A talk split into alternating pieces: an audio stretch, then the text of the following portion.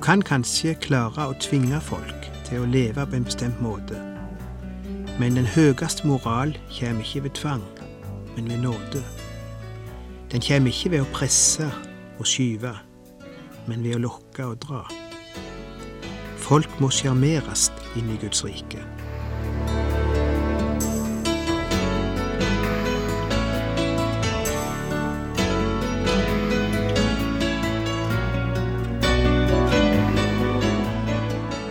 Hjertelig velkommen til et nytt program i serien Vindu mot livet.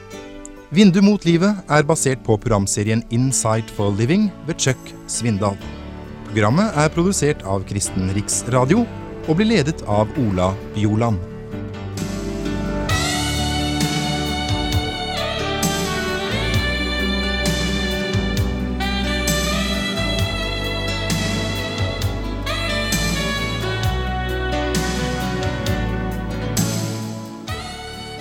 Når vi i disse programmene snakker om ordet og begrepet nåde, så går våre tanker først og fremst til Jesus Kristus.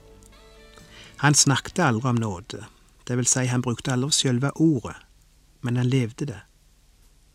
Han er den fullkomne illustrasjon på hva nåde er. Han fant ei kvinne, eller noen kom draende med ei kvinne som var grepet i hor, og loven sa stein henne. Og Jesus sto der i hennes sted, stilte seg mellom henne og lovens vaktere, og sa, Den av dere som er uten synd, kan kaste den første stein. Det er nåde, folkens. Med loven i hånd hadde de all rett til å begrave henne der under steinene som de sto med i hendene. Og de var klar til å gjøre det. Men nåden kom imellom, og lovens steiner falt til jorda den ene etter den andre. Han står ved grava til sin gode venn Lasarus, og Martha møter han på veien til grava, og seinere òg Maria, og begge sier, Hvis du hadde vært her, ville ikke vår bror ha vært død. Det var en indirekte beskyldning, det de kom med. Forresten var den ikke så indirekte heller, den var faktisk ganske direkte. Du kunne ha avverget et dødsfall, Jesus, men du gjorde det ikke. Og nå skal vi gå og sørge resten av livet, fordi du ikke kunne få farten opp og rykke ut når vi kalte på deg. Det er akkurat som å høre en debatt ifra vår egen tid, om noen som har ringt til legevakten for eksempel, fordi en av deres pårørende var syke, og legevakten har nølt med å sende ut ambulanse fordi de trodde det var ikke så alvorlig. Og så har den syke dødd. Og gjennom aviser blir av og til skandalen slått opp, og bitterhet og anklager og trusler om politianmeldelse og rettssak kommer fram. Når jeg leser slike oppslag i avisene, som vi alle har lest ifra tid til annen, så må jeg tenke på Martha og Maria. De har vært i en fortvila situasjon, og de er sendt bud på legevakten, men der har de nølt med å komme. Og for dei var legevakten ingen ringere enn Jesus sjøl. De er sendt bud på han, men han er venta for lenge, og Lasarus er død når han kommer fram. Og det ligger nok mye mer bitterhet og anklage i Martha Marias ord her enn det vi er vant til å tenke. Hvordan tok Jesus denne anklagen? Det må vel være noe av det mest sårende og sviende anklagen et menneske kan få dette, å være indirekte skyld i et annet menneskes død. Hvordan tok Jesus anklagen? Med et lite knips med fingeren kunne han ha sendt de begge to samme vei som Lasarus. Men han møtte de med nåde. Han tok ikke til motmæle. Han sette de ikke på plass. Han handla med de i nåde. Han lot de få gråte ut og rase ut. Hans nåde løste opp bitterheten og bebreidelsen og de vonde følelsene og de fikk hver sjå han uten å måtte gjøyme på noe eller holde noe tilbake. Det er nåde. Jeg lurer på hvor mye nåde som bor i oss, som kaller oss truende i dag, og hvor mye nåde som flyter mellom oss. Våger vi å stille oss sjøl det spørsmålet? Er vi et nådig folk, vi som kaller oss Guds folk? Mange av oss har massevis av bibelkunnskap innabords. Vi er dyktige til å komme oss gjennom en diskusjon, dyktige til å argumentere. Men hvor mye har vi vokst i nåde og kjennskap til Han? Av Hans fylde har vi alle fått, nåde over nåde, skriver apostelen Johannes ifra øya Patmos. Ja, av og til lurer jeg på det. Av og til lurer jeg på hvor mye av Hans nåde som er smitta over på oss og lever i oss. Noen kristne er ikke så veldig nådige mennesker. Noen kristne behandler andre mennesker, kanskje også andre truende, så stygt og hardt at de er årsak til at noen ikke vil ha noe med kristendom å gjøre. Jeg vet vi prøver å nekte dette, prøver å rasjonalisere oss bort ifra dette ved å bruke bibelvers. Ja, tenk, det gjør vi. Vi går til enkeltvers i Bibelen og bruker enkeltvers til å legalisere en holdning og en oppførsel som er det motsatte av nåde. Det kunne Gud òg ha gjort, og Jesus.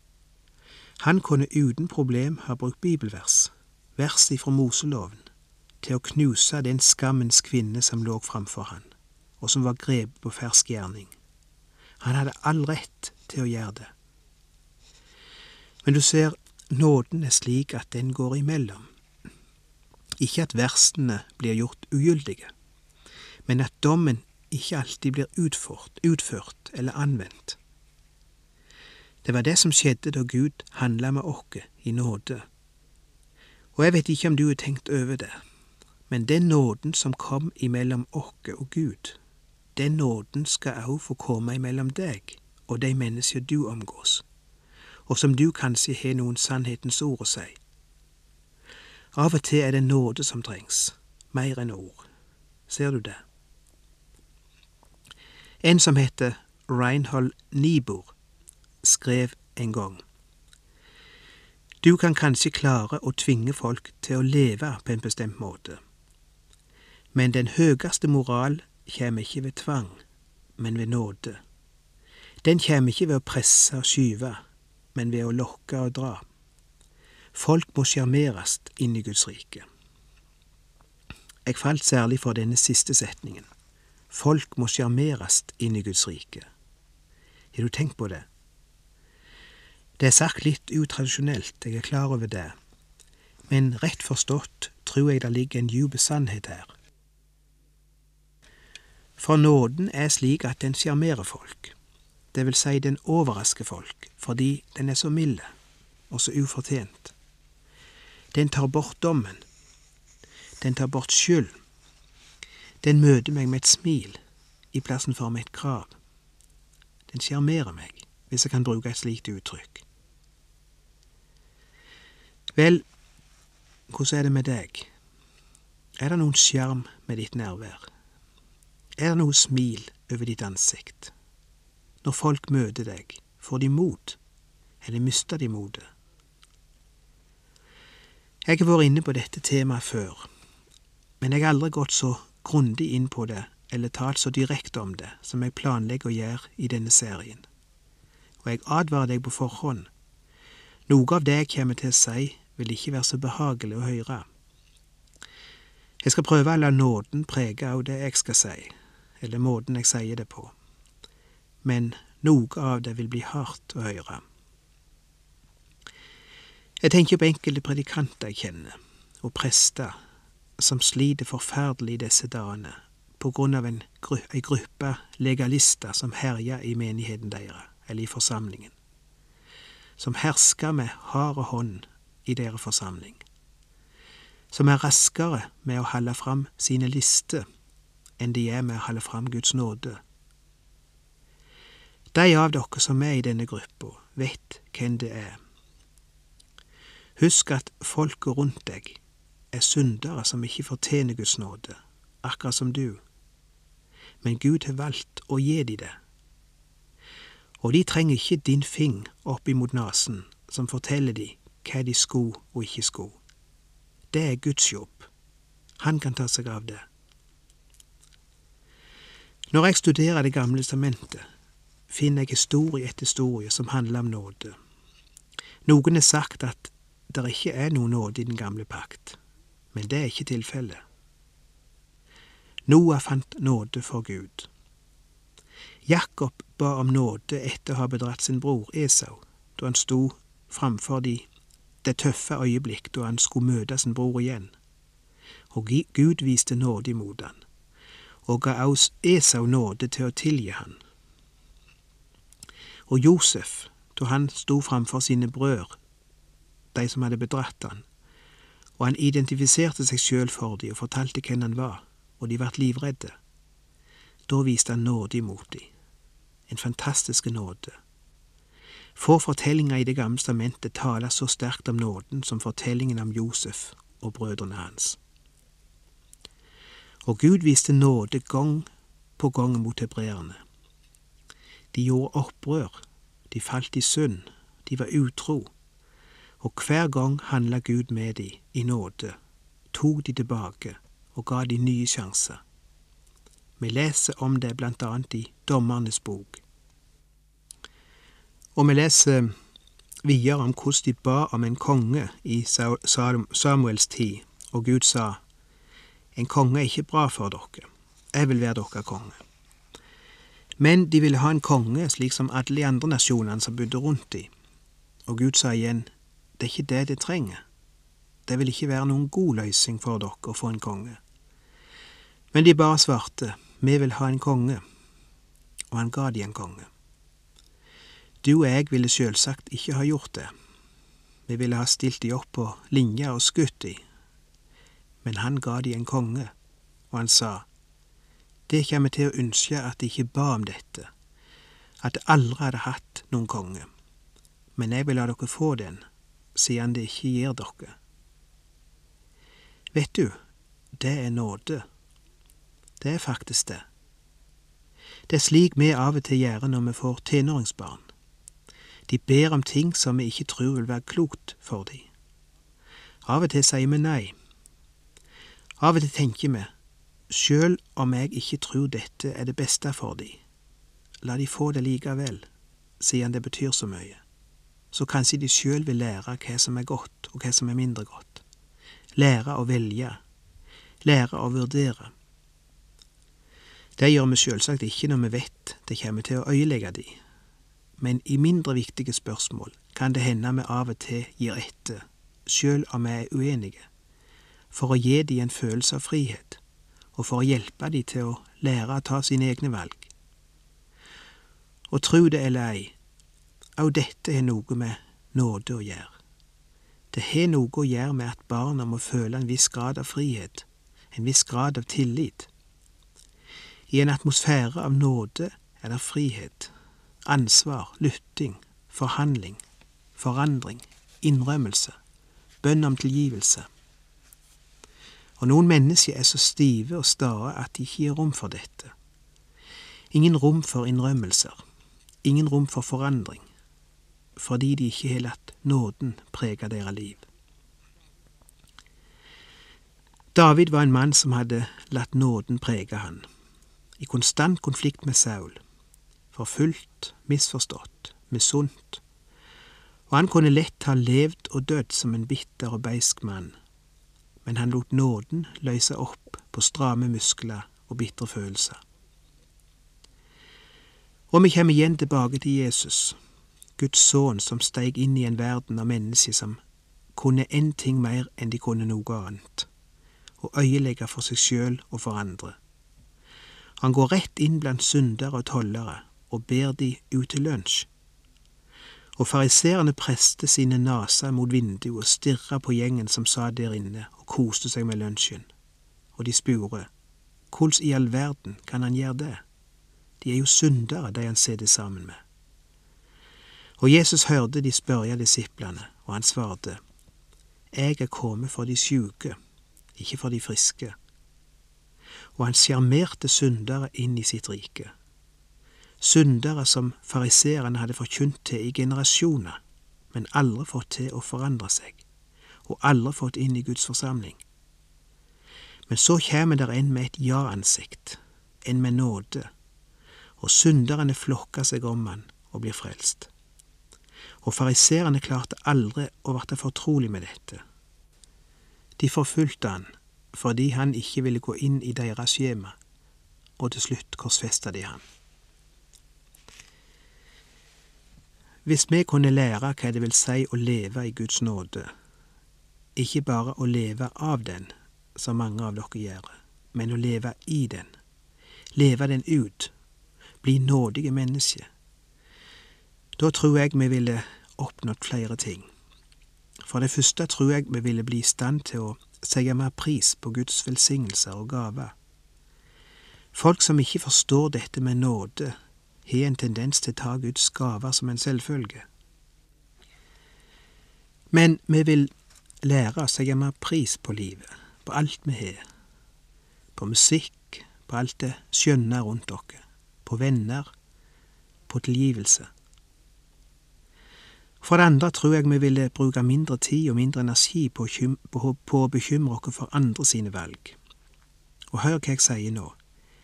Jeg snakker ikke om ting som Bibelen sier er rett eller galt. Det skal vi bekymre oss for. Men jeg snakker om valg som har med personlig smak og personlig legning og interesse å gjøre, og tradisjoner. Du foretrekker det ene, en annen foretrekker noe annet. Når du lever i nåden, er det ok. Du gidder ikke bry deg om andres smak eller andres prioriteringer. Men hvis du er en legalist, går det deg på nervene at ikke alle menneskene er like deg, og at ikke de foretrekker de samme ting som du foretrekker. Jeg har aldri vært crazy for motorsykler, for eksempel. Jeg har aldri forstått hva som er så spesielt ved å rase rundt på en motorsykkel. Men jeg kjenner flere kristne som er heilt vidle etter motorsykler. Også voksne mennesker, faktisk. Reiser på ferie med motorsykkel. Er med i motorsykkelklubb.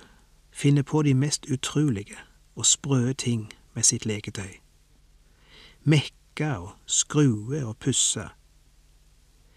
Jeg liker å sigge i kjøretøyet der jeg er omgitt av metall, masse metall, som både beskytter meg for vær og vind og forhåpentligvis òg ifra å bli skada hvis jeg kveltrer. Men det er en smakssak.